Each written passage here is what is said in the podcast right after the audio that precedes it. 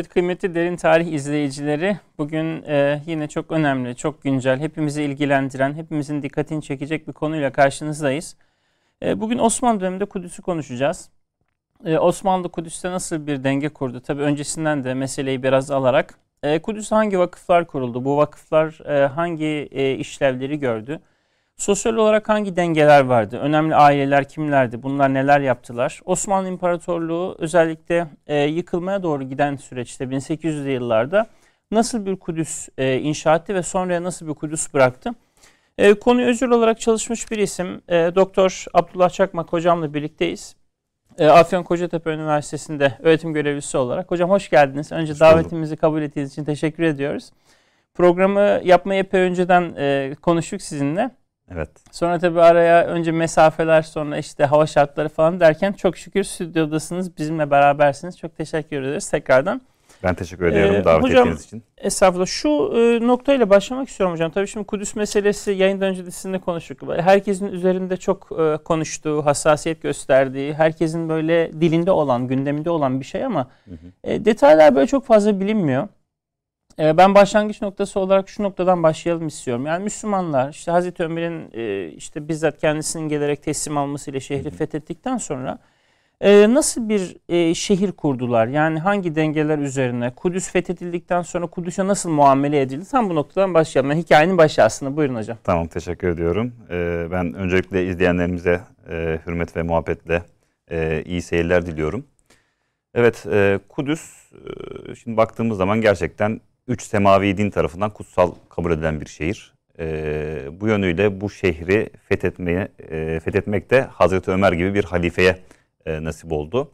E, Hazreti Ömer döneminde e, Ebu Ubeyde bin el Cerrah ve Amr bin el As'ın e, komutasındaki ordular e, bu coğrafyaya yani Mısır bölgesine, Şam bölgesine fethi hareketlerine başlamışlardı ve e, Hazreti Ömer Kudüs gibi kutsal bir toprağı bizzat kendisi gelerek e, Hristiyanların elinden teslim aldı e, Hazreti Ömer'in şehre girdikten sonra yapmış olduğu ilk faaliyet e, Kudüs Patriği yani Hristiyanların Kudüs Patriği'ne e, burada Peygamber Efendimizin üzerine basarak miraca yükseldiğine inandığımız ayetlerle de tefsik edilen e, Sahre o kayayı sordu. E, ilk iş olarak onun yerini tespit ettirdi. E, Tabi e, Kudüs Patriği'nin öncelikle e, bu kayanın yerini söylemek istememesi tabi e, Halife Hazreti Ömer gibi e, bir yöneticinin karşısında ne kadar e, susabilir o da e, tartışılır. E, ikinci, üçüncü sorusundan sonra söylemek zorunda kaldı ve Hazreti Ömer buraya ilk olarak e, bir mescit inşa ettirdi. E, yani şimdiki Mescid-i Aksa'nın alanından bahsediyor. Alanında evet yani şu an işte Kubbetü Sahra ve Aksa Camii'nin bulunduğu e, mekanda tabi o zamanın e, şartlarıyla e, ahşaptan bir e, mescit inşa ettirdi. Daha sonra Emeviler dönemine gelindiğinde bugünkü işte e, yapılar ortaya çıktı. E, peki Hazreti Ömer sosyal hayatta e, ne yaptı diye soracak olursanız burada da tabii ki Hristiyanlar yaşıyor. E, Hazreti Ömer ilk olarak Hristiyanlara bir ahitname verdi. Aslında bu ahitnamenin e, biz ilk örneklerini Peygamber Efendimizin işte Medine'ye hicretinden sonra burada yaşayan Yahudilere onlarla e, yapmış olduğu sözleşme gereğince e, bir İslam devletinin yönetimi altında yaşama hakkı verdiğini biliyoruz. E, Kur'an-ı Kerim'deki ilahi hükümler de zaten bu yönde. İşte e, elleriyle küçülünceye kadar, e, cizye verinceye kadar onlarla savaşın buyuruyor e, ayet-i kerimede Cenab-ı Allah. E, bu yönüyle Peygamber Efendimizin Medine'deki ilk uygulaması Hazreti Ömer tarafından Kudüs'te de Hristiyanlara uygulanmış ve bu gelenek daha sonra asırlar boyunca devam ettirilmiştir. Yani e, soruyu biraz daha şu yönde açmak istiyorum hocam. Tabii e, geldiği zaman Ömer Ahitnamesi olarak işte tarihe geçen o meşhur belgede e, galiba böyle e, şimdi insanların kafasında şöyle bir soru işareti oluyor. İşte Fatih İstanbul'u fethettiği zaman e, niçin Ayasofya'yı camiye çevirdi de hı hı. E, Kıyamet Kilisesi'nde işte Hristiyanların en kutsal mekanı e, niçin onların elinde bıraktı gibi. Hani bu mu yanlıştı o mu doğru gibi falan böyle. Evet. Ama iki farklı hükümden bahsetmek gerekiyor galiba İslam savaş hukukuna göre değil mi? Kesinlikle. Ee, yani Hazreti Ömer de e, kendi yaşamış olduğu dönemde böyle bir tasarrufa gidemez miydi? Gidebilirdi. E, pekala mümkün. Çünkü artık şehir e, sizin yönetiminize e, geçiyor. E, ancak böyle bir şey tercih etmedi. E, o Hristiyanların çünkü Kamame Kilisesi dediğimiz e, kilise e, miladi 3. asırda e, inşa edilmiş ve Hristiyanların haç merkezi olarak kullandığı bir kilise. e, bu yönüyle e, oraya dokunmayıp Hristiyanların ibadetlerini rahatça e, gerçekleştirebilecekleri bir ahitname vermeyi e, tercih etti. E, İstanbul'a baktığımızda Fatih Sultan Mehmet'in işte fetih hakkı, kılıç hakkı olarak e, Ayasofya'yı e, camiye çevirmesi, bir bölümünü medreseye çevirmesi de e, o dönemin şartlarında gayet makuldü. Evet. E, bu e, işte siz şeyden bahsettiniz hocam hani şehirde kurulan sosyal denge. E, tabii Müslümanlar Hristiyan bir şehri e, nihayetinde e, fethederek ele geçirdiler Hazreti Ömer döneminde. Hı hı. E, tabii şehirde bir iskan politikası gözetildi. Şehirde nihayetinde yeni bir düzen kuruldu. Şimdi e, ikinci soruya geleceğim. E, şimdi Kudüs'le ilgili tabii daha sonra soracağım özel bir soru da var. Yani Kudüs'te bugün ne eksik? Bugün e, hani daha önce olan şeyin için ne yoktu acaba bugün bu halde diye. Ama oraya gelmeden önce e, bir Kudüs vizyonundan söz edebilir miyiz? Çünkü Kudüs özel bir şehir. Yani. Baktığımızda bugün asırlar boyunca bütün İslam imparatorlukları Kudüs'e çok ihtimam göstermişler. Hı hı. E, mesela Hazreti Ömer'in ta işte Medine'den gelip şehri bizzat teslim alması herhalde İslam tarihinde çok örneği olmayan bir olay. Evet. Çünkü yani başkentten halifenin böyle başka bir şehri teslim almak üzere bizzat gitmesi ve anahtarların kendisine sunulması. Hı hı. E, bu yönüyle hangi genel prensiplerden bahsedebiliriz? Yani Kudüs'ü yöneten İslam imparatorlukları Kudüs'te hangi dengeleri korumuşlar? Kudüs'ü nasıl yönetmişler? Ee, aslında e, sorunun içerisinde cevap saklı. Yani şöyle söyleyeyim. E, asırlar boyunca süren bir e, İslam hakimiyeti, İslam yönetimi söz konusu. E, buna da baktığımız zaman az önce temas ettiğimiz üzere işte ilahi hükümler neticesinde bunun bu ilahi hükümlerin ilk uygulayıcısı Hazreti Peygamber Efendimiz. Evet. E, diğer e, gelen halifeler veya İslam devlet başkanları da e, bu geleneği e, devam ettirmişler ve burada e, sağladıkları yegane şey adalet. Evet. Yani e, İslam devletlerinin yönetim anlayışına baktığımızda özellikle e, Müslümanların ve gayrimüslimlerin bir arada yaşamış olduğu topraklarda e, adaletin e, daha belirgin e, yaşanması için devlet başkanları oldukça çaba sarf ediyor. İşte ahitname, Hazreti Ömer'in vermiş olduğu ahitname de aslında bunun en büyük e, göstergesi. E, tabii ki e, sadece gayrimüslimlere tanınmıyor böyle bir hak. Yani bunun yanında işte birazdan belki e, detaylı bir şekilde konuşacağız. E, Müslümanlara yönelik de işte vakıflar, e, belki Osmanlı dönemine geldiğimizde işte surreyi konuşacağız. Evet. Müslümanlara yönelik de e, bir ihsan diyebileceğimiz, ihsan olarak adlandırabileceğimiz e, devlet başkanlarının e, tasarrufları söz konusu. E, bir tarihçiyle böyle sohbet ederken çok enteresan bir şey söylemişti. Benim bilmediğim bir şeydi. Yani yeni öğrendiğim bir şey oldu onunla sohbet ederken. Hı. Dedi ki Osmanlı İmparatorluğu e, kendi hakimiyet alanı içerisinde çeşitli bölgeler darphaneler kurmuş. Yani oralarda işte oranın işaretini taşıyan, tarihini ve e, ismini taşıyan paralar basmış. Hı hı. İşte Yemen'de kurmuş, Mısır'da kurmuş, Anadolu'da başka yerlerde. E, Harameyn'de yani Mekke ve Medine'de ve Kudüs'te kurmadı dedi o bahsettiğim kişi. Çok ilginçti. Hı hı. Sebebini sordum dedi ki çünkü Osmanlı İmparatorluğu dedi buralara hakim olarak dedi kendisini görmedi. Yani çünkü bir yerde para bastığınızda orayı böyle hakimiyet olarak hani bir nihayetinde hakimiyet nişanesi. Sikke bastırmak dediğimiz. Evet. Dolayısıyla bu bilgi de çok enteresan geldi. Hani Kudüs'e yönelik hani çünkü iki mescidimizin üçüncüsü malum orada. Evet. E, bu yönüyle de şimdi genel prensipleri şunun için soruyorum. Hani bugün böyle bir e, hani Müslümanlar arasında da genel olarak böyle işte Kudüs'ü işte Müslümanlar asırlar boyunca huzur içinde yönettiler deniyor ama hı hı. aslında sanki böyle mevzunun detayları konusunda böyle bazı ezberler var gibi. Hani o yüzden hı hı. size sordum. Hani hangi prensiplerden, nelerden söz edebiliriz Tabii diye. yani şimdi e, işin e, arka planında e, elbette büyük bir devlet geleneğinden söz edebiliriz. Yani e, Osmanlı Devleti'nde mesela e, baktığımız zaman bir adalet dairesinden bahsedilir ki bu adalet dairesi Osmanlı Devleti'nin icat etmiş olduğu bir e, sistem değildir. Yani eski Hint-İran geleneğine kadar dayanan bir sistemdir. İşte burada e, sultanın gücü askeri güce, e, askeri güç e, reayanın ödemiş olduğu vergiye, işte verginin ödenmesi de sultanın e, halka sağlamış olduğu adalete bağlıdır tarzında şöyle bir formalize edilmiştir bu e, gelenek. E, işte buna baktığımız zaman e, Osmanlı Devleti kendisinden önceki de İslam devletlerinden e, tevarüs, e, tevarüs etmiş olduğu bu e, artık kültürel e, kodları diyelim e, kendi içerisinde eritmiş ve bunu e, son derece başarılı bir şekilde uygulayabilmiştir.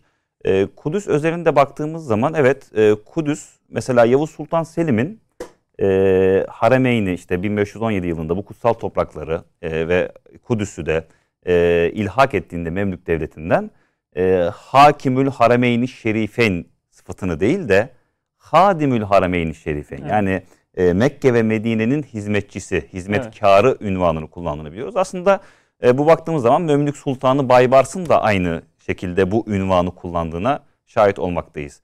Yani aslında e, İslam devlet başkanları, e, bu kültürel mirası devam ettiren İslam devlet başkanları e, aynı e, düşünceyi, e, aynı tasarrufu Mekke, Medine ve Kudüs'te devam ettirmişlerdir Evet. ve yüzyıllarca da devam etmiştir diyebiliriz. Dolayısıyla rakip devletler bile olsa hani Tabii biri ki. biriyle savaşsa bile aslında o zihniyet, o bakış açısı, vizyon aslında Değişmiyor. tevarüs ediyor. Tabii, evet, tabii. Bu da hakikaten Kudüs söz konusu o zaman çok önemli. Şimdi hocam kitabı yani iki kitabınızdan birine geleceğim. Şimdi diğerini de konuşacağız. Hı hı. Şöyle e, 19. yüzyıl başlarında Kudüs e, İlem yayınlarından çıkmış. Şöyle ben izleyicilerimiz için de göstereyim. Çünkü e, kitabın e, böyle ele aldığı zaman dilimi tam böyle Osmanlı İmparatorluğu'nun artık yavaş yavaş gücünün zayıfladığı, dağılmaya başladığı bir zaman dilimi. Ve e, 1800'lerde yaşanan birçok şeyin biz neticelerini daha sonraki yüzyıllarda Osmanlı'nın yıkılmasından önce ve sonra görüyoruz. Şimdi ee, biraz böyle geriden alarak hocam Osmanlı'nın şimdi demin de bahsettiğiniz Yavuz Sultan Selim'in işte 1516'nın Aralık ayında Kudüs'e giriş yaptığını hatta bizzat Mescid-i Aksa'da kaldığını işte bir takım menkıbeler, söylenceler de var. İşte e, orada 12 bin tane mumun Şam'danın ışığın yakıldığını hatta işte Aksa'nın avlusuna 12 bin Şam'danın avlu dendiği gibi. E, hani menkıbeler, inanışlar bir taraf ama bir gerçeklik var. 1516 sonu itibariyle Osmanlı İmparatorluğu Kudüs'te bir e, işte bahsettiğiniz gibi Memlüklerden aslında emaneti devralıyor. Evet. Belki böyle söyleyebiliriz. E, özellikle bu Kudüs'ün fethi sürecini hocam biraz açalım istiyorum. Yavuz Sultan Selim döneminde. Yani şöyle bir şey söyleniyor onu da soracağım size. Yani Kudüs'ü fethetmekle deniyor. Osmanlı İmparatorluğu bir bölgesel devletten bir imparatorluğa doğru yürüyüşünü başlattı. Belki bir- böyle bir şey söylenebilir mi ne dersiniz? Hani Kudüs'ün Ya- bu anlamda bir emperyal vizyona katkısı konusunda. Ya aslında bunu e, yani biraz daha geçmişe gö- götürebiliriz. Osmanlı Devleti özelinde düşündüğümüz zaman e, Fatih Sultan Mehmet'in e, İstanbul'u işte Konstantinopolis'i fethiyle birlikte artık e, cihan şumul dediğimiz bir cihan imparatorluğuna Evet. e, dönüşmeye başlamıştı Osmanlı Devleti. E, tabii bu e, bir saç ayağı olarak düşünürsek e, bu saç ayağının bir tanesi de Yavuz Sultan Selim'in Arap coğrafyasına yapmış olduğu fetihlerdi Evet. veya ilhak hareketleriydi diyelim. E, çünkü bu dönemde e, öz- özellikle Müslümanlar açısından e, haç organizasyonu çok önemli. Hı hı. Yani çünkü dünyanın dört bir tarafından e, Müslüman hacılar e, her sene işte e, Zilhicce ayında bu kutsal topraklarda bulunmak için yolculuk yapıyorlar. E, son dönemlerde Memlüklerin eski iktidarlarını kaybettikleri, işte bu haç organizasyonunu tam anlamıyla yerine getiremedikleri, güvenliği sağlayamadıkları, işte Portekizlerin Akdeniz'den bir takım e, tehditkar e, saldırılara e, sahne olduğu gibi e, şikayetler gelmekteydi. E, Yavuz Sultan Selim de e, önce İran Safevilerine karşı işte Çaldıran'da e, bir mücadele girişti ama ardından e, Mercidabık ve Ridaniye seferleriyle birlikte Memlük e, devletinden e, Harameyni ve Kudüs'ü de e, ilhak etti. Sa- sadece buralar değil yani Biladüşşam dediğimiz ve Mısır e, dediğimiz e, Arap coğrafyasındaki e, birçok yeri Memlüklerden aldı ve e, Memlükleri artık e, tarih sahnesinin dışına itmiş oldu diyebiliriz. Evet. Hı hı. Ama sizin de ifade ettiğiniz gibi aslında bir emaneti Evet. devraldı. Yani Osmanlı Devleti e, Memlük Devleti'nden sonra özellikle e, yönetim e, bakımından çok fazla bir değişikliğe gitmedi. Yani e, Kudüs özelinde mi söylüyoruz yoksa genel Bütün Orta coğrafyası? e, Ha, evet, evet. topraklarında e, eski yönetim sistemi neyse ilk etapta bunları korumayı bildi. Yani bunları korudu çünkü baktığımız zaman e, Osmanlı Devleti'nin merkezi İstanbul. Yani İstanbul'dan Arap coğrafyası gibi kendisine oldukça yabancı topraklarda e, hakimiyet kurmak veya bu merkezden atadığı yöneticilerle burayı idare etmek e, ilk etapta zordur. Bu yönüyle e, ilk etapta e, birkaç sene Memlük Devleti'nin sağlamış olduğu düzeni aynıyla korudu, devam ettirdi ve daha sonra e, özellikle kanunu e, devriyle beraber e, daha büyük adımlar atıldı. Dolayısıyla geçişte herhalde nispeten kolay oldu. Yerel Tabii. dengeleri koruyunca. Hı hı. Peki Kudüs'te yani e, e, Yavuz Sultan Selim Kudüs'e girince nasıl bir e, şey buldular? Sosyal açıdan düşündüğümüzde Memlükler nasıl bir Kudüs bıraktılar?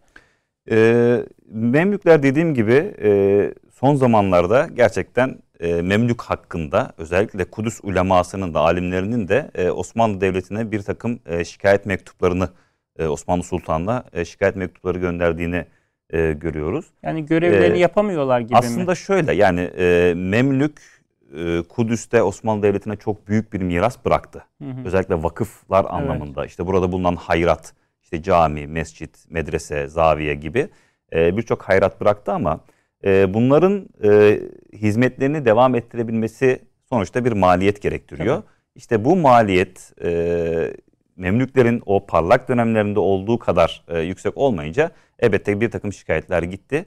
E, Osmanlı Devleti e, özellikle Yavuz Sultan Selim e, buraya girdiğinde mesela bizim kroniklerimiz e, onun işte Mescid-i Aksa'yı hatta El Halil şehrinde bulunan e, Halilur Külliyesi'ni e, ziyaret ettiğini, buradaki Kudüs ulemasına bolca ihsanda bulunduğunu, e, onlara salaka verdiğini e, falan e, yazar. Bu yönüyle aslında e, ben şöyle diyorum, e, Kudüs kutsal bir şehir. Kudüs'ün e, ulema aileleri de e, oldukça fazla yani alimler de çok fazla Kudüs'te. E, Kudüs'ün kalbine giden yol adeta or- oradaki alimleri e, Memnun memnun, etmekle. etmekle Evet. e, geçiyor. Yani bu- Yavuz da bunu Evet yapmış. Yavuz da bunu yapmış evet.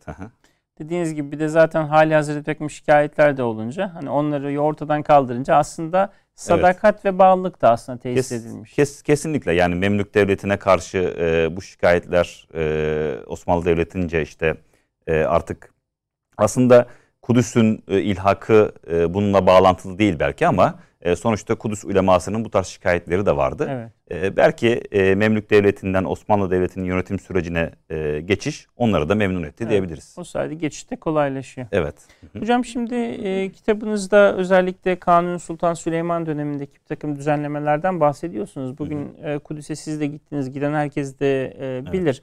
E, Kudüs surlarının kuzeyinde hala cadde, büyük bir cadde. Kanuni Sultan Süleyman'ın adını taşır. Evet. Hı hı. İşte Kudüs surları, içeride vakıflar.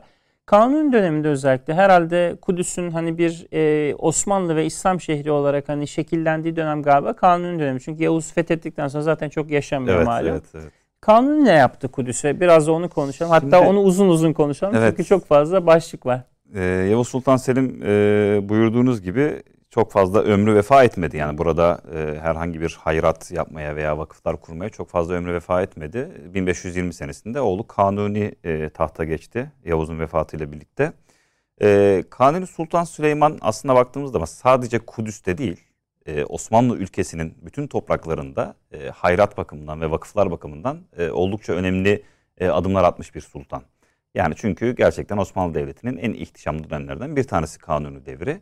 E, Kudüs'e de baktığımızda şimdi e, Kudüs'teki Emeviler döneminde inşa edilen o Kubbet-i Sahre, Hı hı. e, Aksa Camii e, Kanuni Sultan Süleyman devrine gelince baştan el- elden geçiriliyor. Yani büyük bir tamir faaliyeti gerçekleştiriliyor.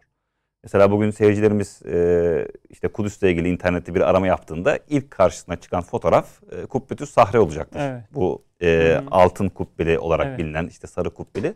Yani buranın e, duvarlarındaki çini bezemeleri Kanuni Sultan Süleyman devrinde yapılmıştır ilk defa. İznik'ten getirilen çinilerle. Evet. Mesela Kanuni oraya artık bir Osmanlı e, mührünü vurmuştur diyebiliriz. Çünkü İznik çinileri, e, çinisiyle meşhur. E, İznik'ten çiniyi getirerek Kubbetü Sahre'ye e, nakşettirmiştir bunu. E, bunun yanında tabii birçok çalışması var. Mesela şu an aklıma gelen e, Davut, Hazreti Davud'un e, külliyesinde Hazreti İsa'nın da havarileriyle birlikte son akşam yemeğine inanıldığı Yediğine. e, yediğine inanıldığı odayı e, mescide çevirmiştir Kanuni Sultan Evet. Süleyman. Buraya bir de e, minare yaptırmıştır. Yani e, fotoğraf getirseydik belki daha e, anlaşılır o- Kudüs olurdu. surlarının güneyinde zaten hemen. Evet. hı hı. E, ama maalesef işte bugün o minarenin e, yarısı e, oradaki Yahudi yönetim tarafından e, yıkılmış durumda. Yani minarenin e, boyu kısaltılmış durumda. E, bunun yanında şimdi Kanuni Sultan Süleyman e, sultan olarak bunları yaptı ve bir e, çok e, fazla vakıf kurdu veya hayratı e, tamir ettirdi ama e, eşi Haseki Hürrem Sultan'dan da bahsetmek gerekir.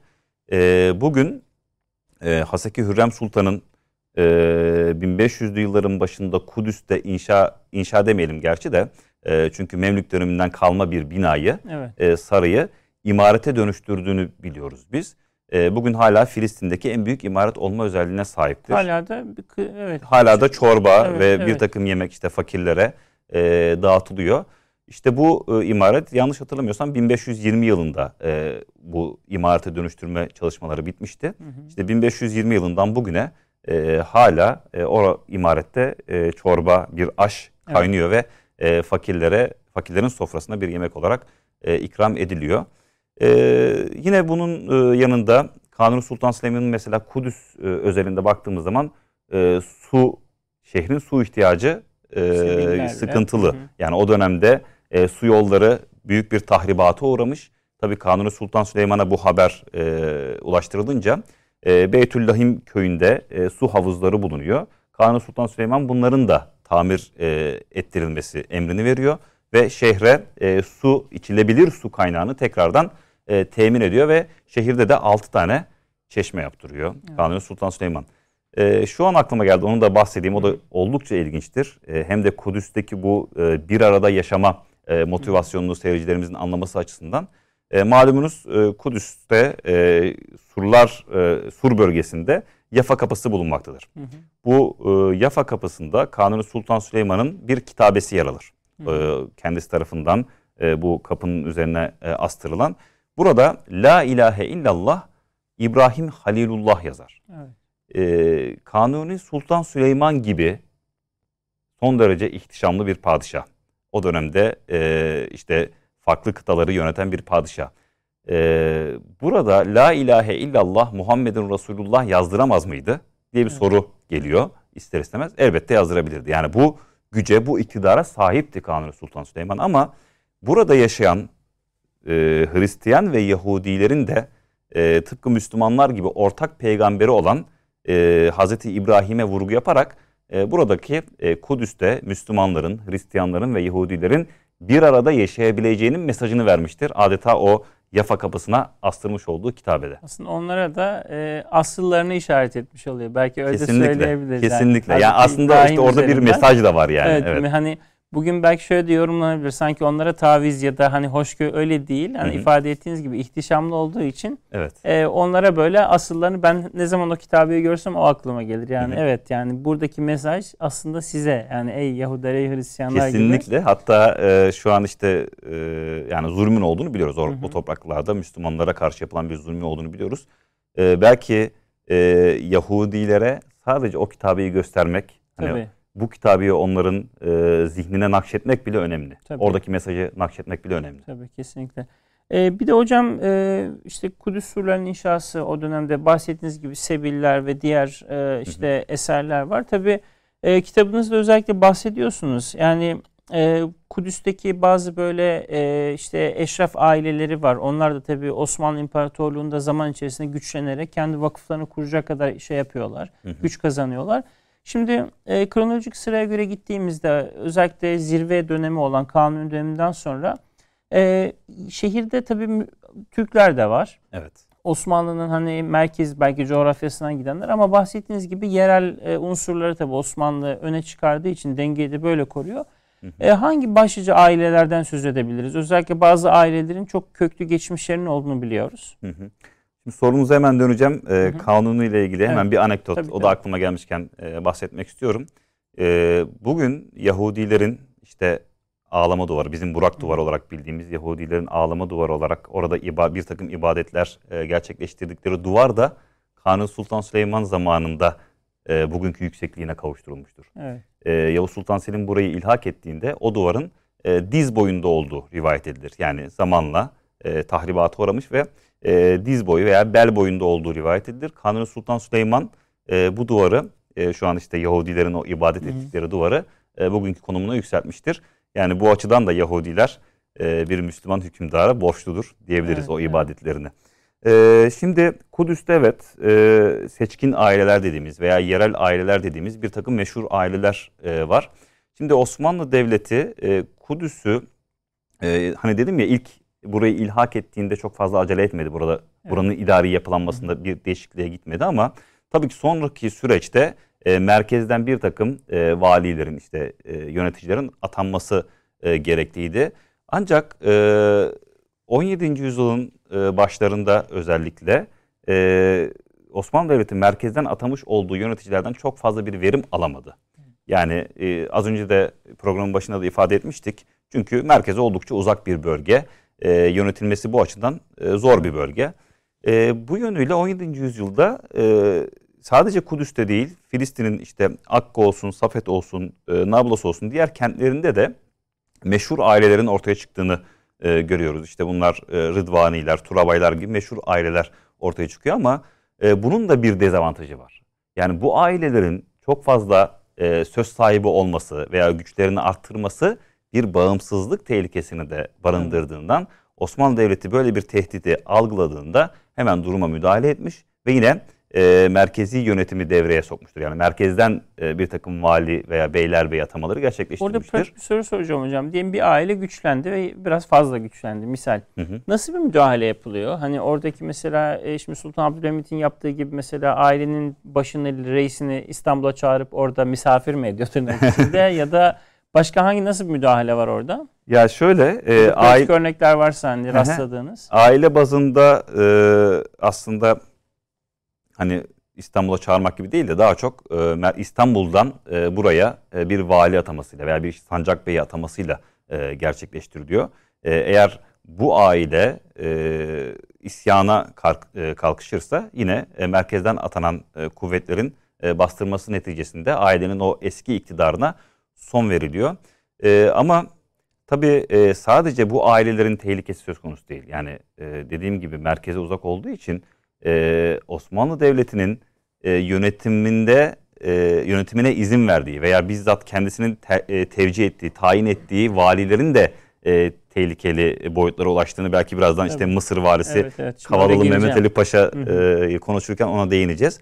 E, mesela bunun öncesinde Cezzar Ahmet Paşa. E, Cezzar Ahmet Paşa e, Napolyon'u işte 1799'da Akka önlerinde e, durduran bir komutan e, ne zaman ki Osmanlı Dev merkez yönetimi Cezzar Ahmet Paşa'nın artık müstakil bir bağımsızlık sevdasına kapıldığını düşünüyor. E, karşısına başka bir rakip çıkartıyor. Evet. Böyle bir stratejisi var. Yani e, aile bazında düşündüğümüz zaman merkezden başka bir yönetici atıyor ama e, bunu yapan kendi valisi ise e, karşısına başka bir e, rakip çıkartıyor, bir vali çıkartıyor. Tabii bütün bu organizasyonu yapabilmek de güçlü bir devlet olmayı gerektiriyor Kesinlikle nihayetinde. yani evet. Çünkü bunların hepsini kotarıp planlayabilmek ve uygulamak. Yani güçlü Hocam, bir devlet aklını da gerektiriyor. Evet, evet, aklını ve pratikte de güç gerektiriyor. Evet. Hocam şimdi kitabınızdan böyle kronolojik olarak ilerlemek istiyorum. Şimdi e, kitabınızın konu olduğu dönem, e, konu aldığı dönem 1800'lü yıllar. Yani Batılı güçlerin e, bütün güçleriyle, bütün hı hı. kuvvetleriyle Filistin topraklarında hakim bir şeyler yapmaya çalıştıkları. Evet. Konsolosluklar açtıkları, elçilikler, temsilciliklerle, kiliselerle, vakıflarla, şimdi Rusya bir taraftan, İngiltere bir taraftan. Fransa bir taraftan. Şimdi evet Fransa bir taraftan. Şimdi e, 1800'lü yıllarda özellikle bir de Napolyon tehlikesi işte sizin ifade ettiğiniz gibi Fransa başlıyorlar Mısır'dan, Kuzey Afrika'dan tabii e, işte Akka'da biraz da siz de bahsettiğiniz biraz önce Cezar Ahmet Paşa durdurana kadar. Hı hı. E, o dönemde yani Osmanlı İmparatoru tabii başka problemlerle de boğuşuyor. Merkezde de başka sıkıntılar var. 1800 yıllara girerken tam da böyle kitabınızın konusu itibariyle Kudüs'te hangi riskler yani Kudüs halkı hangi risklerle karşı karşıya kalmış? 1800 ee, yılların e, yani bizim 19. yüzyılın başlarındaki işte en büyük olay e, belki de 18. yüzyılın sonunda gerçekleşen Napolyon Bonaparte'ın e, Kahire'yi işgali. Napolyon Bonaparte Fransa'da temayüz etmiş bir komutan ve gözünü Mısır'a, Kahire'ye dikiyor ki Fransa'nın Akdeniz'de işte bir sömürge devleti veya sömürgesini orada arttırmasına yönelik politikaları var. E, bu yönüyle Kahire'ye geliyor. E, Kahire'yi işgal ediyor. E, daha sonra Şam'a doğru yöneliyor. E, nihai hedefinde Şam var. E, tabii burada e, Cezar Ahmet Paşa gibi sert bir kayaya çarpacağını da açıkçası bilemiyor Napolyon. Çünkü e, Cezar Ahmet Paşa e, Akka'da e, Şihabi Emiri Yusuf Bey tarafından e, buraya e, bey olarak getirilmiş e, ve daha sonra Zahir el Ömer e, Akka'nın eski yöneticisi bununla belli bir mücadeleye girmiş ve bu mücadeleden de galip e, çıkmış bir e, vali. Sonra Osmanlı valisi olarak da görevine devam ediyor.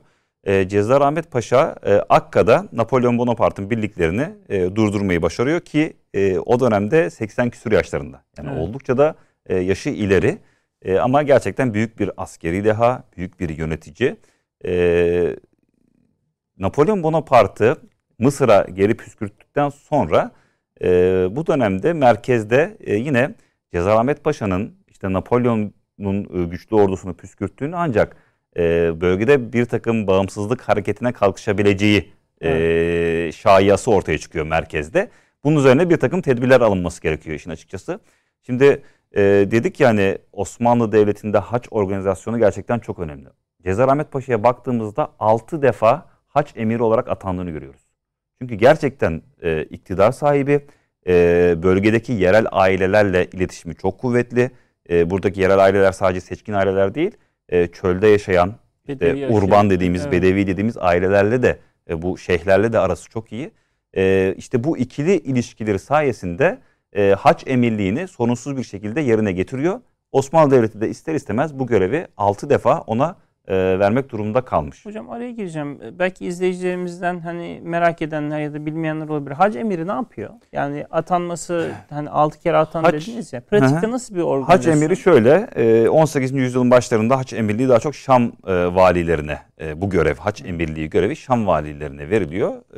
Bildiğiniz üzere işte Anadolu'dan, işte Kırım'dan, Balkanlardan, Orta Asya'dan, ne bileyim Irak'tan birçok yerden hacılar yola çıkıyor ve özellikle Anadolu ve Kafkasya'dan yola çıkan hacılar Şam'da e, buluşuyorlar. Şam'da bunları haç emiri alıyor, e, Medine'ye kadar getiriyor. E, Medine'de daha sonra e, Mekke emirine teslim ediyor. E, Mekke ve Medine'deki sorumlulukları Mekke emirine dahil ama e, zaten yolculuğun en tehlikeli bölgesi Şam ile işte Mekke ve Medine arasındaki e, evet. bölge. Çünkü çöl ikliminin hakim olduğu, burada Bedevi Arapların, urban dediğimiz Bedevi Arapların yaşamış olduğu geçimini bunlar e, büyük çoğunluğu yağmacılıkla hmm. sağlıyorlar ve haç kervanlarına, surre kervanlarına saldırılarda bulunuyorlar. İşte bu yönüyle e, hac emiri Şam'dan e, Harameyn'e kadar olan yolculukta hacıların güvenliğini sağlamakla E, ve e, surreyi e, Müslümanlara gönderilen e, surreyi eksiksiz bir şekilde e, ulaştırmakla sorumlu görevi. Dolayısıyla e, hem manevi açıdan bir mertebe hem siyasi açıdan hem askeri açıdan hani çok özel bir imtiyaz anladım. Kesinlikle kadarıyla. özel bir imtiyaz. E, bir de tabii ki e, yöneticilerin kendisini göstermesinin e, önemli bir basamağı diyebiliriz. Yani evet. haç emiri olup o görevi başarıyla e, geçen kişiler e, önü de açılabiliyor. Mesela işte bir sonraki görevi Mısır valiliği olabiliyor e, veya Anadolu'da başka bir valilik olabilir. Kariyerlerinde önemli bir basamak. Kesinlikle, yani. kesinlikle evet. evet. Şimdi e, yine hocam yani kitabınızdan kronolojik olarak gittiğimizde işte demin de bahsettik. Kavalalı Mehmet Ali Paşa işte Osmanlı'nın e, isyankar Mısır valisi. Evet. Tabii e, kendisinin özellikle e, işte bugünkü Orta Doğu dediğimiz merkez coğrafya yönelik akınları var. İşte oğlu da bizzat malum Anadolu'ya kadar geliyor. Evet. E, Kudüs e, bu e, muktedir vali diyelim, isyankar vali diyelim. Onun faaliyetlerinden nasıl etkilenmiş? O dönemde Kavalalı Mehmet Paşa'nın, Mehmet Ali Paşa'nın Kudüs'e yönelik akınlarından hı hı. E, hangi dengeler yerinden oynamış? Şimdi e, Kavalalı Mehmet Ali Paşa gerçekten Mısır'da e, oldukça iktidar sahibi Osmanlı Devleti'nden önce modern orduyu Mısır'da kurmuş evet. e, büyük bir vali. Yani e, Osmanlı Devleti daha modern orduyu kurmadan önce Mısır'da Kavalı Mehmet Ali Paşa bu orduyu kurmuştu. Zaten gücünün de ekserisi buradan kaynaklanıyordu. Bunun haricinde Mısır'da yapmış olduğu bir takım e, önemli çalışmalar da var. E, ama detaya girmezsek e, Kavalalı Mehmet Ali Paşa döneminde e, belki de Kavalalı Mehmet Ali Paşa'yı bu kadar e, iktidara kavuşturan önemli siyasi olaylar gerçekleşiyor bu dönemde. E, bunlardan en önemli iki tanesi biri Vehhabi işgali, Vehhabilerin bu dönemdeki isyanı. Bir ikincisi ise Mora isyanı.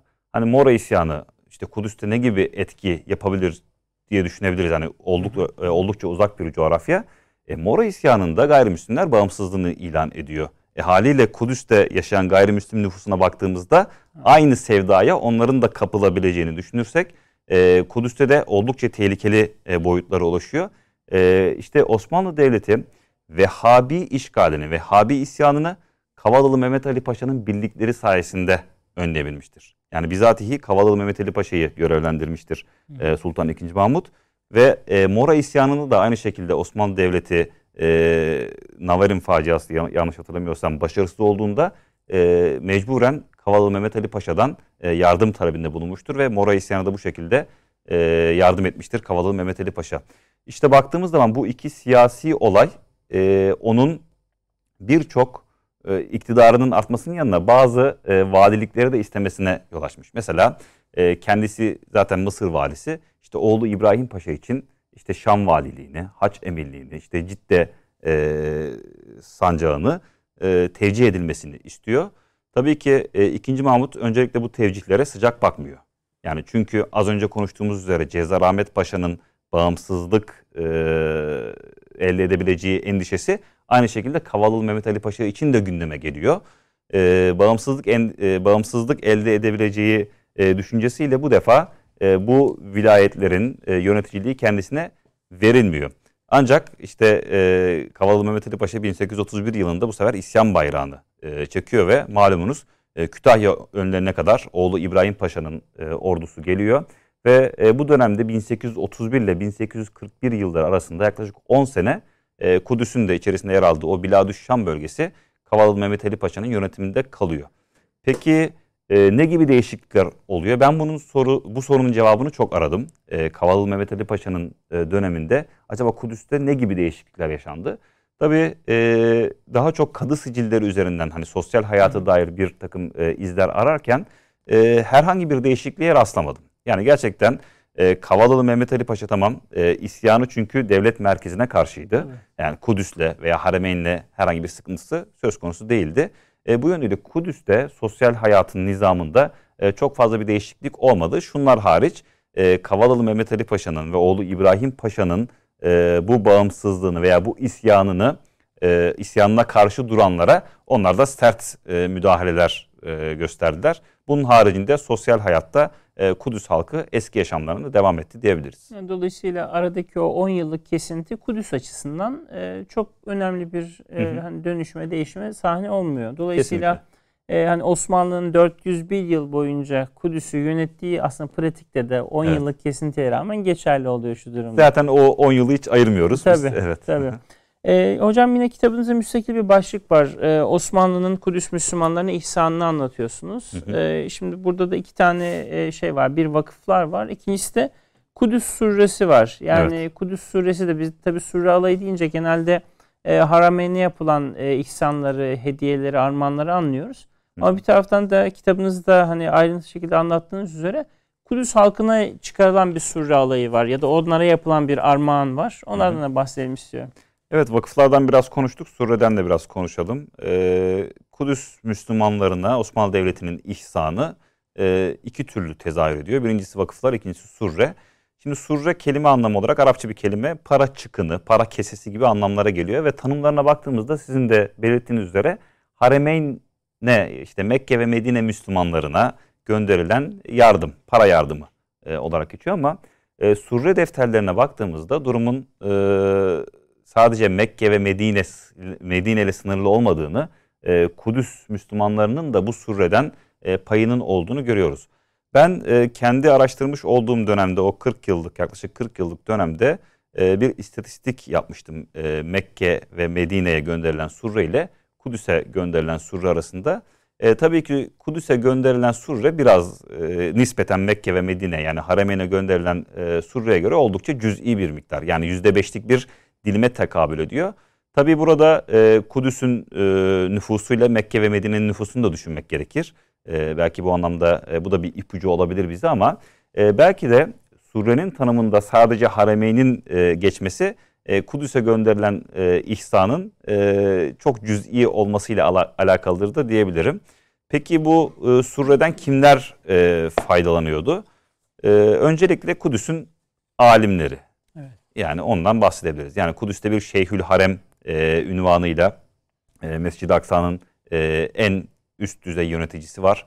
İşte bunun yanında Mescid-i Aksa hatipleri, imamları, e, müezzinleri, e, buradaki kapıcılar, temizlikçiler, işte e, cuma namazlarında kilimleri e, serenler, ne bileyim e, süpürenler. Hepsine yani 7'den 77'ye e, sadece ulema değil e, vakıflarda görevli kimselerin de e, sureden tahsisatı olduğunu görmekteyiz. Tabi bunun yanında e, belki de ulemanın yanında en önemlisi fukaranın yani e, Kudüs fakirlerinin e, maddi e, gücü olmayanların da sureden tahsisata sahip olduğunu görmekteyiz. Bahsettiğiniz hocam şey e, şöyle kameraya tutmak istiyorum. İlginç bir şey var hani grafik var böyle sanki bir e, hani e, sayısal bir kitap gibi gözüküyor ama aslında Hı-hı. öyle değil ve çok insan hakkında hakikaten böyle zihninde canlanıyor böyle baktığımız zaman. Evet. Hani Kudüs'teki surre e, hizmetlerinden, oradaki armağanlardan mesela e, hem burada e, aileleri görüyoruz sizin yaptığınız hı hı. o grafikte. Mesela işte Alemi, Aseli, Cauni, Cemal, Decani yani yerel aileler e, kim ne kadar pay almış, hı hı. işte kime ne kadar düşmüş. O çok enteresan bir şey. Şimdi e, Kudüs vakıflarını araştırırken e, özellikle iki aile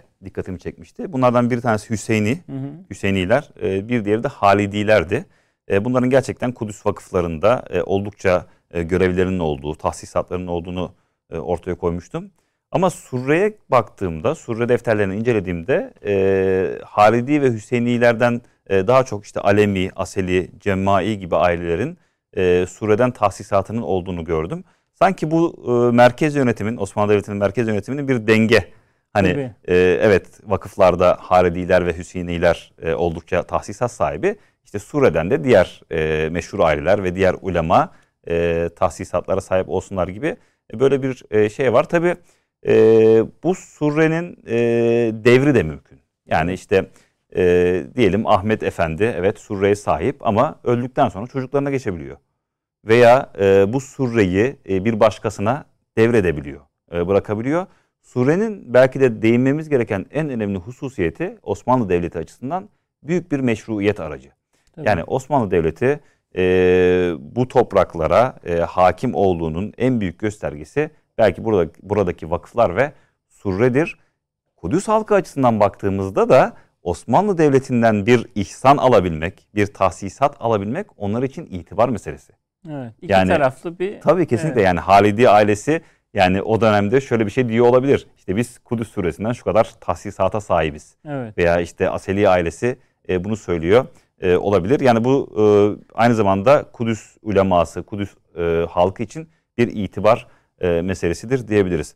E, vakıflarla ilgili e, yeri gelmişken Tabii hocam ee, ona geleceğim. Ee, tam da bir ilgili soru var. Onu da ben e, yeni kitabınız tabii. vesilesiyle soracağım. Hı hı. E, bu e, yine şeyle ilgili, vakıflarla ilgili hem e, oraya da biraz devam edelim. E, çünkü bu ailelerin kurmuş oldukları kendi vakıfları da var. Tabii tabii. Yani e, sonuçta bahsettiğiniz aileler ki Halidi ve Hüseyini ailesi e, bugün hala mensupları Kudüs'te yaşamaya devam eden iki köklü aile ki başka aileler de var. Mesela evet siz de görmüşsünüzdür. Benim her gidişim çok dikkatimi çeker. Kudüs'te e, bu Babus Silsile vardır. Silsile hı hı. kapısına giden yol üzerinde mesela Halidi Kütüphanesi evet. 1900'de e, Osmanlı İmparatorluğu sınırları içerisindeki ilk özel kütüphanelerden bir tanesi. Bugün hala Hala işliyor. duruyor. Evet. evet. Hı hı. O yönüyle hocam özel vakıflardan da bahsedelim istiyorum. Ailelerin kurmuş olduğu vakıf. Mesela bu vakıflar ne iş yapıyor? Sadece evet. fakir, fakir fukaraya yardım mı yoksa hı hı. farklı alanlarda faaliyet var mı? Şimdi e, biz e, vakıfları genel itibariyle ikiye ayırabiliriz. Bunlardan bir tanesi hayri vakıflar yani e, vakıf ciheti, vakıf amacı tamamen hayır olan işler. Bir de aile vakıfları dediğimiz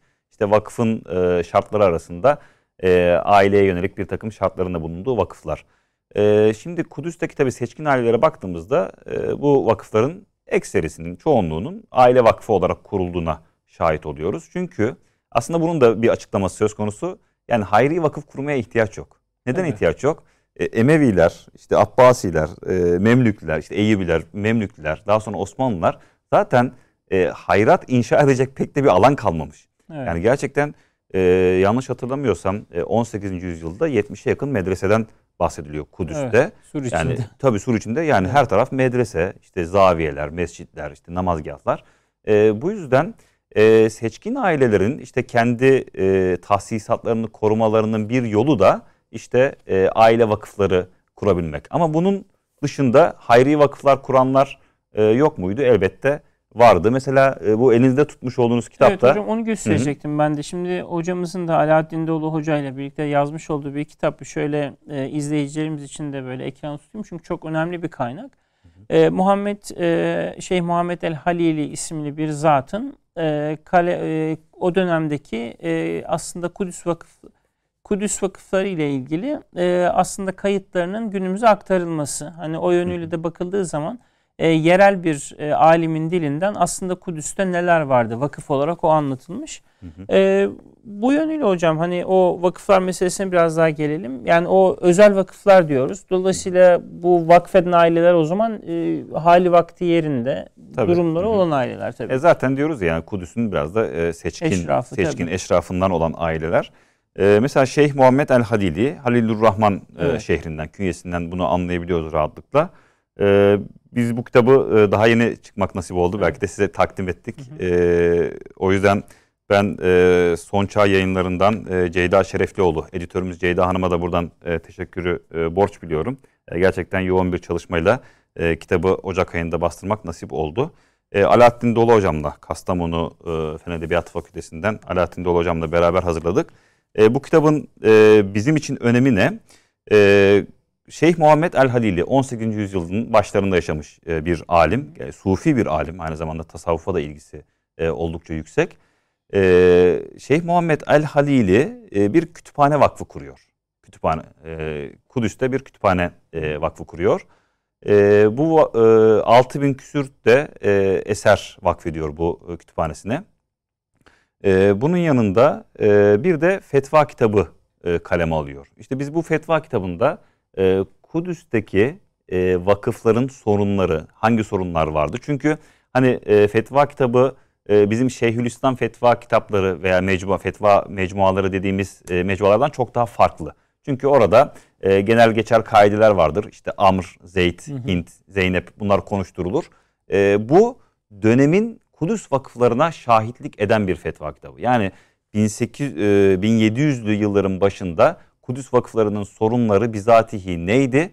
E, bunları kaleme alan e, bir Aslında fetva kitabı. fotoğrafını da çekmiş oluyor Kesinlikle. o dönem. Evet. Yani şehrin sosyal hayatın evet. e, bu anlamda biz belki e, bu fetva kitabının bir cihetini e, vakıflar e, cihetini çalıştık ama sosyal hayata e, yönelik birçok e, fotoğraf çekmekte e, mümkün. İşte e, El Hadili gibi Kudüs'ün e, diğer seçkin ailelerinin de e, daha çok hayrat nevinden değil de e, aile vakıfları olarak e, aile vakfı kurduklarına e, şahit olmaktayız. Tabi bunun da e, en temel e, sebebi az önce beyan ettiğim üzere e, kendi tahsisatlarını e, bir nevi koruyabilmek. Evet. Bu tahsisatları e, kaybetmemek diyebiliriz.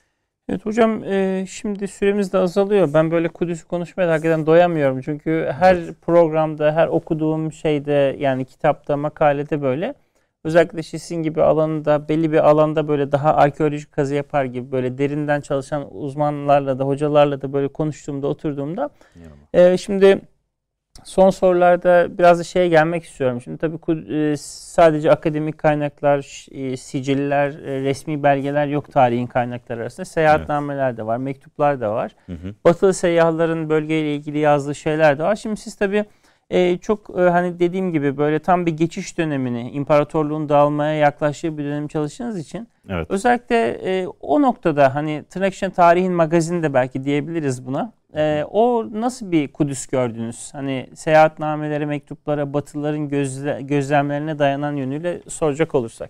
Evet, e, bizim tarih araştırmalarında önemli kaynaklardan bir tanesi de seyahatnameler, işte hatıratlar. E, ben de konuyla ilgili işte kendi dönemimi ilgilendiren kısma dair seyahatnamelere baktığımda e, bizim e, Müslümanların özellikle o dönemde çok fazla e, seyahatname kaleme almadıklarına e, şahit oldum. Ama Batılıların oldukça vardı. Yani ben kendi dönemimde 9-10 tane e, Batılı seyyahın işte Kudüs'e e, bir şekilde geldiklerini, e, buradaki gözlemlerini, seyahatnamelerini aktardıklarını e, şahit oldum. E, tabii e, seyahatnameleri özellikle batı ıı, kaynaklı seyahatnameleri incelerken çok daha fazla dikkat etmek gerekiyor. Bunu neden söylüyorum? Mesela e, nüfusla ilgili bir veri vermeye çalıştığımda e, bu batılı seyyah, e, seyyahların e, oldukça farklı rakamlar verdiğine şahit oldum. Yani işte Yahudi ise e, evet. e, Yahudi milletinin sayısını arttırıyor. İşte Hristiyansa Hristiyan milletin sayısını arttırıyor. E, bu yönüyle e, biraz daha temkinli yaklaşmak gerekir. Evet. Belki de işte cımbızla e, bilgileri çekmek gerekir. Mesela şimdi Kudüs'te e, biliyorsunuz Osmanlı e, kazalarının e, her birinde kadılar görev yapar. Ve bu kadıların belli başlı sorumlulukları vardır. Bunlardan en önemlisi de çarşı pazar gezerek bunlar narh uygular. Yani fiyatların e, işte afaki astronomik rakamlara ulaşmaması için e, önlem alınmış bir sistemdir bu. İşte mesela batılı e, bir seyyahın e, kitabını okurken orada işte e, Kudüs pazarında o eski çarşının pazarında ürünlerin çok işte bozuk olduğu, işte çürük olduğu, kalitesiz olduğu, fiyatların fahiş fiyatlar olduğu gibi bir takım ibareler okudum. Aynı senenin Allah'tan kadı sicili elimdeydi. ee, burada nar uygulamalarına baktım. O kadar ilginç verilerle karşılaştım ki yani e, bırakın sadece ekmeği, ekmekten işte simidine, e, ne bileyim işte unlu mamullerine, işte bamyasına, börülcesine bütün e, pazardaki e, fiyatların e, kalit, e, kalitesinin kontrol edildiği, fiyatlarının da e, belirlendiğine şahit oldum. İşte bu yönüyle diyorum hani e, evet. evet seyahatnameler çok önemli, çok önemli bilgiler ihtiva etmekteler e, ama e, biraz da temkinli yaklaşmak evet. gerekmekte. O yüzden hani sizin aynı dönemle ilgili e, elinizde bir arşiv belgesi olması aslında e, çok önemli bir takım böyle karşılaştırmalı bir evet, okuma yapmak. yargıları da kesinlikle, engelliyor. Kesinlikle. E, hocam, Ama yani seyahatnameler e, dediğiniz Tabii. üzere e, çok önemli. Yani bir de e, bir şehrin tarihini hani e, masa başından çok da fazla e, öğrenemezsiniz. Yani aslında bizim de e, şehirlere seyahat etmemiz e, sadece tabii ki e, seyahat ettiğimiz zaman e, hani belli başlı yerlerini değil de işte oranın kültürünü, yani yemek kültürü olur, işte ne bileyim e, dans kültürü olur, geçmiş kültürleri olur. E, bununla ilgili verileri toplamak e, fayda olur diye düşünüyorum. E, sizin Şam kitabınızda da bunu gördük. Estağfurullah. Evet. Teşekkür ederim.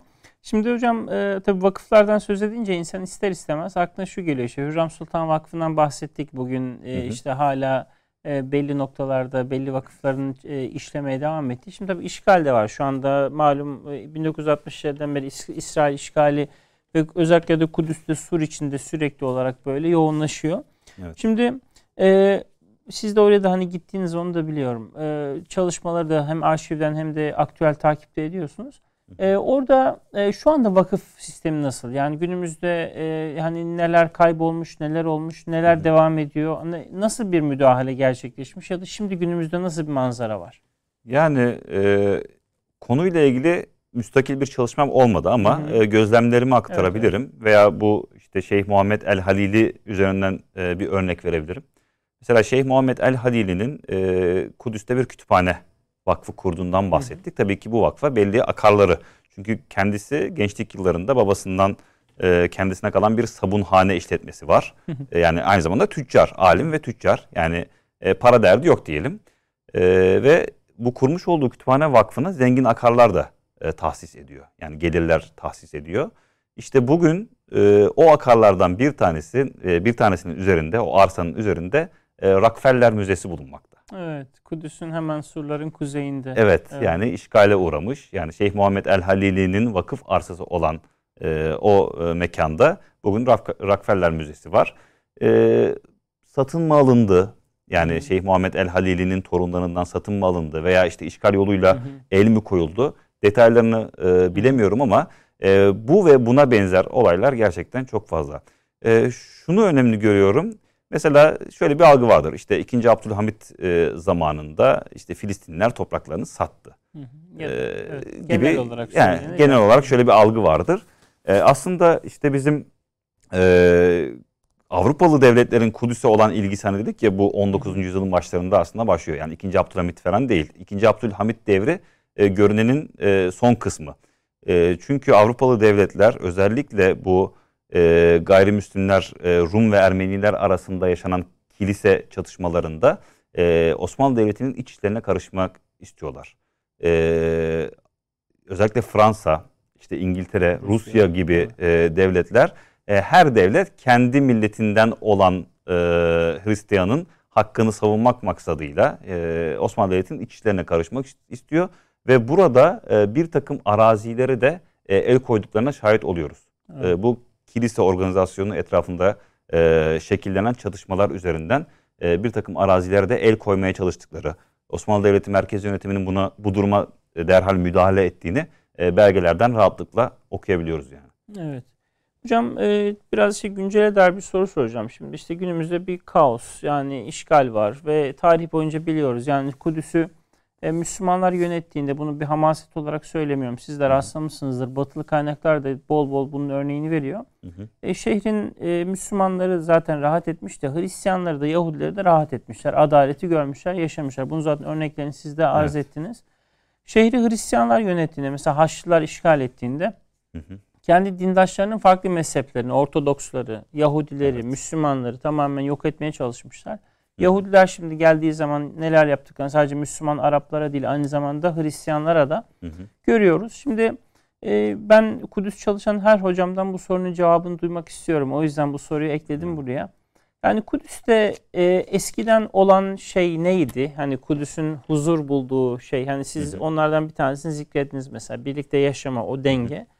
Bugün ne kayboldu? Bu tekrar mesela hani Kudüs'e huzur nasıl gelir gibi belki beylik gibi gelecek ama önemli bir soru. Onu böyle size de sormak istiyorum. Şimdi e, yine geçmişteki e, tecrübelerimize dayanarak yani tarihi bilgilerimizi e, tazeleyerek bunun cevabını verebiliriz. Nasıl? E, şimdi Yahudiler malumunuz iki defa e, buradan e, göç ettirildi. E, Babiller döneminde ve daha sonra işte e, Romalılar döneminde e, çıkartıldılar. Belki bunun e, bir rövanşı mı diyelim. E, halbuki e, yapan Müslümanlar değil. Hı hı. Çünkü Müslümanların e, biz İslamiyet'in e, buradaki e, hakimiyeti boyunca adaleti sağladığını e, tüm belgeleriyle, tüm örnekleriyle zaten ortaya koyuyoruz. E, ama Yahudiler ve Haçlı işgalinde Hristiyanlar açısından bunu söyleyemiyoruz. Bunun da en büyük nedeni aslında bu iki dinin tahrif edilmiş olmasına bağlayabiliriz. Yani e, Yahudilik ve Hristiyanlık tahrif edilmemiş olsa e, Allahu Teala'nın bu tevhid inancında koymuş olduğu ilkeler e, onları da bağlamakta. Onlar da adil hükmetmek zorundalar.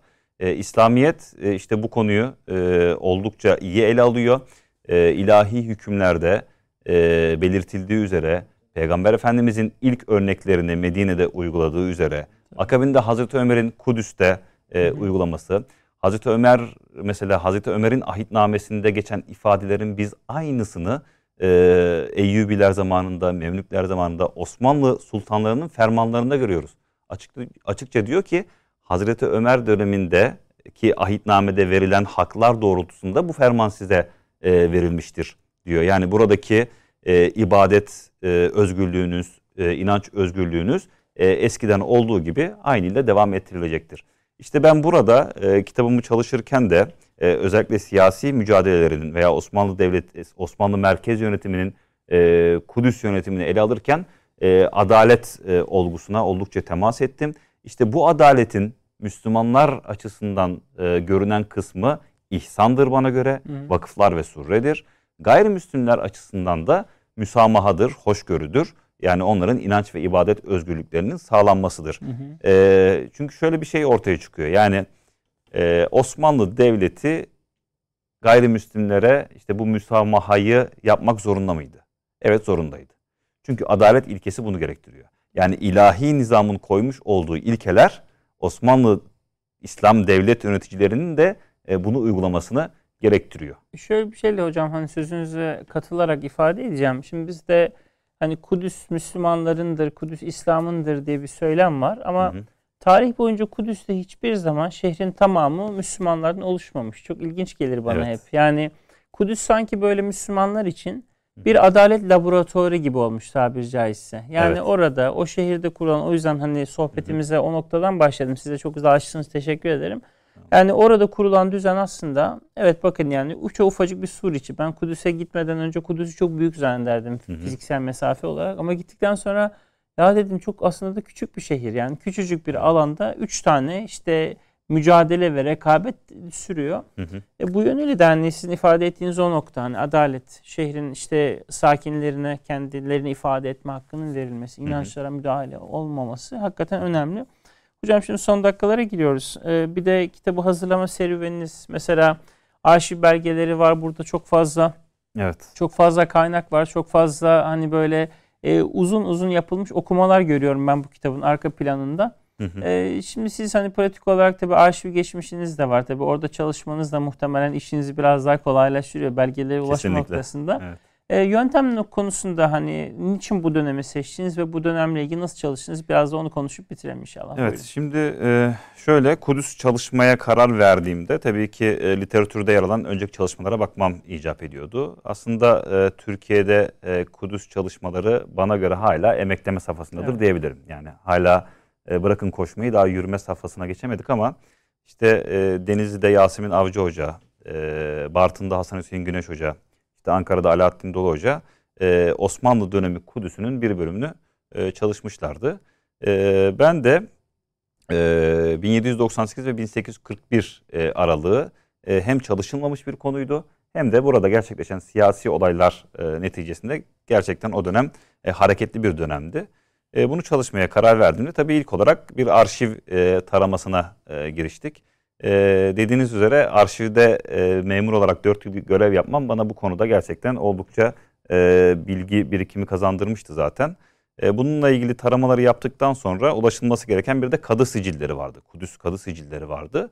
E, bununla işte 2018'de Kudüs'e e, gittiğimde e, burada e, bir takım siciller aldım e, ve daha sonra Türkiye'ye döndüğümde e, az önce ismini e, beyan etmiş olduğumuz arkadaşlarımızdan da e, bu konuda yardım aldım sağ olsunlar.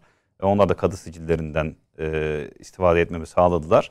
E, tabii ki bir literatür taraması var. E, Arap coğrafyası çalışıyorsanız e, öncelikle Arapçaya e, vakıf olmanız, e, Kudüs gibi dünyanın gündeminde olan bir e, yerde İngilizce çalışmalar da oldukça evet. fazla. E, bir de İngilizceye vakıf olmanız lazımdı. İngilizce ve Arapça literatürdeki çalışmaları da e, taradıktan sonra e, öncelikle bu 40 yıllık dönemin bir siyasi panoramasını ortaya koymayı amaçladım.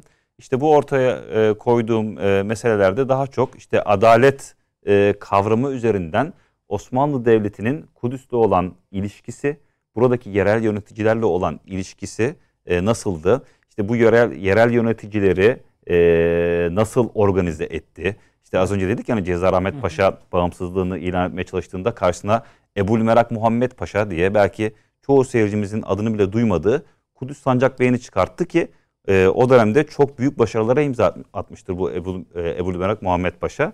E, akabinde de tabii ki Müslümanlar ve gayrimüslimlerin yaşadığı bir toprak parçası olması hasebiyle e, ikinci perspektifimi Müslümanlara çevirdim. E, burada vakıflar ve e, Suriye'nin Müslümanlar için büyük bir ihsan olduğunu e, tespit ettim. Ve e, üçüncü perspektifim de gayrimüslimler üzerine oldu. Osmanlı Devleti gayrimüslimlere e, nasıl bir politika izledi? Bu dönemde de en fazla dikkatimi çeken e, olaylardan bir tanesi bu 1808 yılında Kamame'de ortaya çıkan yangın neticesinde evet. Hristiyanların birbirine düşmesi. Yani Rumların ve Ermenilerin yangın sonrasında kiliseyi kimin tamir edeceğine dair e, tartışma yaşamaları ve 2. Mahmut'un doğrudan e, fermanlarla bu olaya e, müdahale etmesi. Hocam çok teşekkür ediyorum. E, detaylar konusunda hakikaten hani akademik bir eser ama yani e, böyle dikkatli bir okur, meraklı bir okur içinde böyle hani akademik bir e, formasyon olmasa da çok şeyler söyleyen bir kitap. Hocam çok teşekkür ederim. Ben teşekkür Afyon'dan ediyorum. sonra Bursa'dan sizi buraya kadar görmüş olduk. Çok sağ olun. Gerçekten keyifli bir sohbet oldu. İnşallah nice çalışmalara diyelim. İnşallah, İnşallah. Kudüs konusunda nice kalıcı güzel çalışmalara imza atarsınız. Çok sağ olun. Evet kıymetli izleyicilerimiz programımızın birinci yarısı burada sona eriyor. Kısa bir aradan sonra programımızın ikinci kısmında, ikinci bölümünde buluşmak üzere.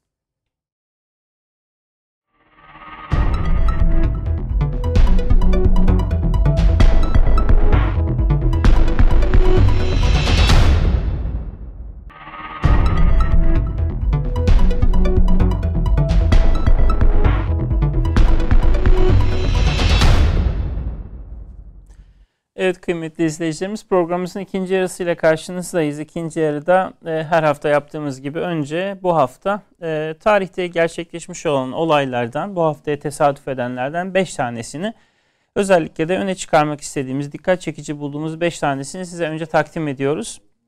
E, bu haftaki birinci başlığımız yakın bir tarihten ama çok ilginç, dikkat çekici, önemli bir olay. 24 Ocak 1996'da e, İsrail'in önemli gazetelerinden Maarif bir manşetle çıktı e, bu manşette bir tane kan torbası vardı. Görüntü olarak, görsel olarak ve kan torbasının üzerinde bir not vardı İbranice. Şöyle yazıyordu. Etiyopyalı kanıdır, kullanılmayacaktır. İsrail e, 1948'e kurulduktan sonra E, tabii önce e, farklı yerlerden göç eden Yahudileri Avrupa'dan, e, Rusya'dan, e, Asya'nın farklı yerlerinden, İslam coğrafyasının farklı yerlerinden sınırlarına dahil etmeye başladı. Her Yahudi devlete gidip kendisinin Yahudi olduğunu ispatlamak şartıyla otomatik olarak vatandaş olabiliyordu. Bugün de aynı uygulama devam ediyor. Ama 1980'lere gelindiğinde tabii e, ön cephede savaşacak, e, işte bir takım böyle e, temizlik hizmetleri gibi herkesin çok yapmak istemediği bazı şeyleri böyle yapmaya gönüllü olacak bir Yahudi grup lazım oldu. Dolayısıyla Etiyopya'dan e, Süleyman Operasyonu diyorlar ona. E, Yahudileri e, akın akın gizli bir operasyon dahilinde İsrail topraklarına getirdiler. Bunlar siyahi Yahudilerdi ve kendine falaşa dediler. Falaşaları hiçbir zaman gerçek Yahudi kabul etmedi İsrail devleti ve İsrail toplumu. Onları sürekli olarak aşağıladılar. Zaten Yahudilikte Yahudilik anneden geçtiği için pratik olarak zaten siyahi olarak Yahudi olmak mümkün değil ama Falaşalar kendilerini Hazreti Süleyman'la evlendiğine inandıkları Sebe kraliçesi Belkıs olarak biz biliriz malum. Ona nispet ettikleri için siyahi renklerini öyle izah ettiler. E, ve 1996'nın 24 Ocak günü e, Marif gazetesinin patlattığı bu skandalla aslında şöyle bir gerçek ortaya çıktı. 1980'lerin başından itibaren İsrail Kan Bankası ülkeye akın akın aldığı ve her türlü hizmette kullandığı bu falaşaların yani siyahi Yahudilerin kanlarını diğer Yahudilerin kanlarıyla hiç karıştırmamış. Tabi skandal ortaya çıkınca e, İsrail Kan Bankası yönetimi ve İsrail devleti bunu oradan gelen Yahudilerde AIDS olabilir gibi izah etmeye çalıştılar. Ama tabi gerçek belliydi. Nihayetinde oradaki Yahudilerin, Etiyopyalı Yahudilerin gerçek Yahudi olarak kabul edilmediğinin bir ispatıydı bu. 24 Ocak 1996'daki skandal. Birinci başlığımız dolayısıyla bu ilginç olaydı. Yakın tarihteki. İkinci e, başlığımız 24 Ocak'tan 24 Ocak 76 yani milattan hemen 76 yıl sonra gerçekleşen bir doğum. E, Endülüs'ün bugünkü işte Sevilla şehrinde biz işbirliği ederiz biliyorsunuz Müslümanlar olarak Endülüs'ün tarihi şehirlerinden bir tanesidir. İleride Hadrianus olarak tahta çıkacak olan Roma İmparatorunun doğuşu gerçekleşti. Hadrianus'un özellikle Kudüs ve Filistin topraklarındaki Yahudilerle mücadelesi Yahudi tarihinde çok meşhurdur. Çünkü kendisi çok sıkı bir Yahudi karşıtıdır. Kudüs'teki Yahudilere çok ciddi bir takım e, baskılar ve kısıtlamalar getirmiştir imparator olduktan sonra. E, Yahudi kaynaklarda da zaten Yahudi düşmanı Adrianus olarak geçer. E, mesela e, şehirde e, uygulanan baskılardan dolayı şehirde yaşamaya çalışan ya da şehre girmeye çalışan Yahudiler koyunlarında, koltuklarının altlarında bıçaklar saklayarak şehirde kolaçan e, eden, ortalığı kolaçan eden, devreye gezen Romalı askerleri bıçakladılar mesela bir dönem. Bugün işte Filistin'de de zaman zaman yaşanıyor işgale karşı bir tepki olarak. Yine çok ilginçtir Roma döneminde yine Hadrianus'un emriyle Yahudilerin Mescid-i Aksa yani Beyt-i Makdis ya da onların ifadesiyle Betamiktaş alanına ki çoktan yıkılmıştı zaten bu alandaki yapılar milattan sonra 70'te ama alana bile yaklaşmalarına müsaade edilmedi. E, Kudüs'te Kudüs'ün hemen yakınında bir tane tepeden sadece dini bayramlarda bir defa belli bir yaşa e, gelmiş olan erkeklerin şehri sadece uzaktan izlemesine müsaade etti Romalılar. Yine Hadrianus'un çok keskin almış olduğu önlemler neticesinde. Yine bugün İsrail bunu aynen uyguluyor. E, Müslümanlara Mescid-i Aksa'ya giriş yasağı koyuyor. Aynı şekilde onlara her türlü sıkıntıyı, her türlü kısıtlamayı getiriyor. Tarih aslında tekerrür ediyor. Bir zaman mazlumları şu anda zalimler olarak yine işgal etmiş oldukları topraklarda başlarına bir zaman gelen ve kendi tarihlerinde kendi mazlumluklarına işaret olarak sayılan şeyleri şu anda Filistinlere uyguluyorlar. Bu yönüyle de Adrianus'u ve onun e, eliyle Kudüs'te gerçekleşen bir takım uygulamaları bugüne dair derslerle özellikle sunmak istedik. Üçüncü başlığımız 1885'ten 26 Ocak 1885 günü Sudan'ın başkenti Hartum'da bir suikast gerçekleşti. E, bölgenin İngiliz valisi e, General Charles Gordon e, oradaki Müslüman ayaklanmacılar tarafından İngiliz işgaline karşı direnen Müslümanlar tarafından öldürüldü. Şu anda ekranda da tam o anın bir tasvirini görüyorsunuz. Charles Gordon İngiliz İmparatorluğu, Britanya İmparatorluğu tarafından e, bugünkü Sudan topraklarına genel vali olarak atanmıştı. Ama onun atandığı 1885, 84, 85 yılı Sudan'da çok önemli bir ayaklanmaya da aynı zamanda sahne oluyordu. Mehdi ayaklanması. Muhammed Mehdi e, kendisinin hem dini hem de siyasi bir lider olarak e, işte insanların önünde yürümesi suretiyle bütün e, Sudan bölgesini harekete geçirmeyi başarmıştı. Ve İngiliz genel valisini öldürmek suretiyle de oldukça önemli bir başarı kazandılar işgalcilere karşı. Dolayısıyla 26 Ocak 1885'te İngiliz genel Sudan valisi Charles Gordon'un ölümünü de burada bu hafta anmış olduk. Dördüncü başlığımız 1517 yılında 28 ee, Ocak 1517'de Yavuz Sultan Selim'in ordusunun Kahire'ye giriş yapması. E, Ridaniye Savaşı'nı geçen hafta anmıştık biliyorsunuz. Savaştan bir hafta sonra da e, Yavuz'un orduları Kahire'ye giriş yapıyor. Ondan sonra malumunuz Memlüklerin son sultanı Tomanbay bir süre direndikten sonra Kahire'de bugün de hala ayakta olan şehrin eski kapılarından Babu Züveyle de kendisi idam edilecek ve böylece e, 1500'lerin 1517'den başlayarak 1800'lere kadar devam edecek olan Osmanlı İmparatorluğu'nun Mısır'daki yönetimi işte birinci bölümde programımızda da konuştuk. Önce asi bir vali eliyle önce bir e, özerk yönetim daha sonra da hidivlik olarak fiili olarak zaten imparatorluğun e, Mısır toprakları ile ilişkisinin zayıfladığı bir süreç. Bir de biliyorsunuz tarih boyunca Kahire ile İstanbul her zaman birbirine rakiptir. Bu rekabet bugün de devam etmektedir. Son olarak yine Osmanlı ile ilgili günümüzde çok yakından ilgilendiren bir başlık 30 Ocak 1919'da Paris Barış Konferansı'nın sona ermesi. Paris Barış Konferansı 1918'de Birinci Dünya Savaşı bittikten sonra başladı e, ve e, 30 Ocak 1919'da e, ki daha sonraki müzakere süreçlerinde düşündüğümüz zaman oldukça uzun bir yıla yayıldı e, Paris Barış Konferansı ve e, netice olarak Osmanlı İmparatorluğu'nun toprakları paylaşıldı. E, bugünkü Filistin toprakları İngiliz mandası altına girdi. Bugünkü Lübnan ve Suriye toprakları e, Fransız mandası altına girdi. Ünlü Sykes-Picot Anlaşması aslında fiilen e, devreye sokuldu, uygulamaya alındı. Dolayısıyla 30 Ocak 1919 tarihini de coğrafyanın aslında bugün hala yaşadığı acıların başlangıç noktası olarak bu hafta anmaya değer başlıklarımız arasına dahil ettik. Beşinci ve son başlığımız olarak. Yine şimdi her hafta olduğu gibi e, kitaplara geçeceğim. E, bu hafta da kitapları seçerken mümkün olduğu kadar farklı coğrafyalardan farklı dönemleri işaret etmeye çalıştım. Birinci kitabımız e, Matthew Carey'nin meşhur e, yani literatürü e, hani hakim olanların, ilgili olanların bildiği meşhur kitabı Kan ve İman. Alt başlığı zaten kitabın içeriğiyle ilgili bilgi verecek bize. İslami İspanya'nın tasfiyesi. Özellikle 1492'de ee, Endülüs'teki son Müslüman emirliği Gırnata Nasriliğinin düşmesiyle birlikte 1614'te tamamen Yarımada'nın Müslümanlardan tümüyle e, ayıklanması, Müslümanların gerçekten çok acı dolu bir süreç sonucunda e, yaklaşık 800 yıl devam eden hakimiyetlerinin artık fiilen sona ermesi. E, bir batılı tarafından kaleme alınmasına rağmen özellikle birinci elden kaynaklara dayandığı için çok dikkat çekici, acı verici, ibret verici bir kitap. E, o yüzden bu hafta birinci tavsiyemiz olarak Kan ve İman'ı öneriyoruz. İkinci kitap bir mektup kitabı. Aslında e, birbirini çok seven bir talebeyle e, bir üstadın karşılıklı olarak birbirlerini hem muhabbetlerini izhar etmeleri hem de e, kendi yaşadıkları coğrafya ve bölgeyle ilgili birbirlerini tabiri caizse güncellemeleri. Gurbetname ismini taşıyor. Kubbe Altın Eşkıyat'ın e, kitaplarından Süheyl Ünver'le Uğur Derman mektuplaşmaları. E, Uğur Derman Hoca'dan ben bunu kendime dinlediğim için e, Süheyl Ünver Hoca Amerika'ya e, gidiyor ihtisas için bir dönem orada kalması gerekiyor.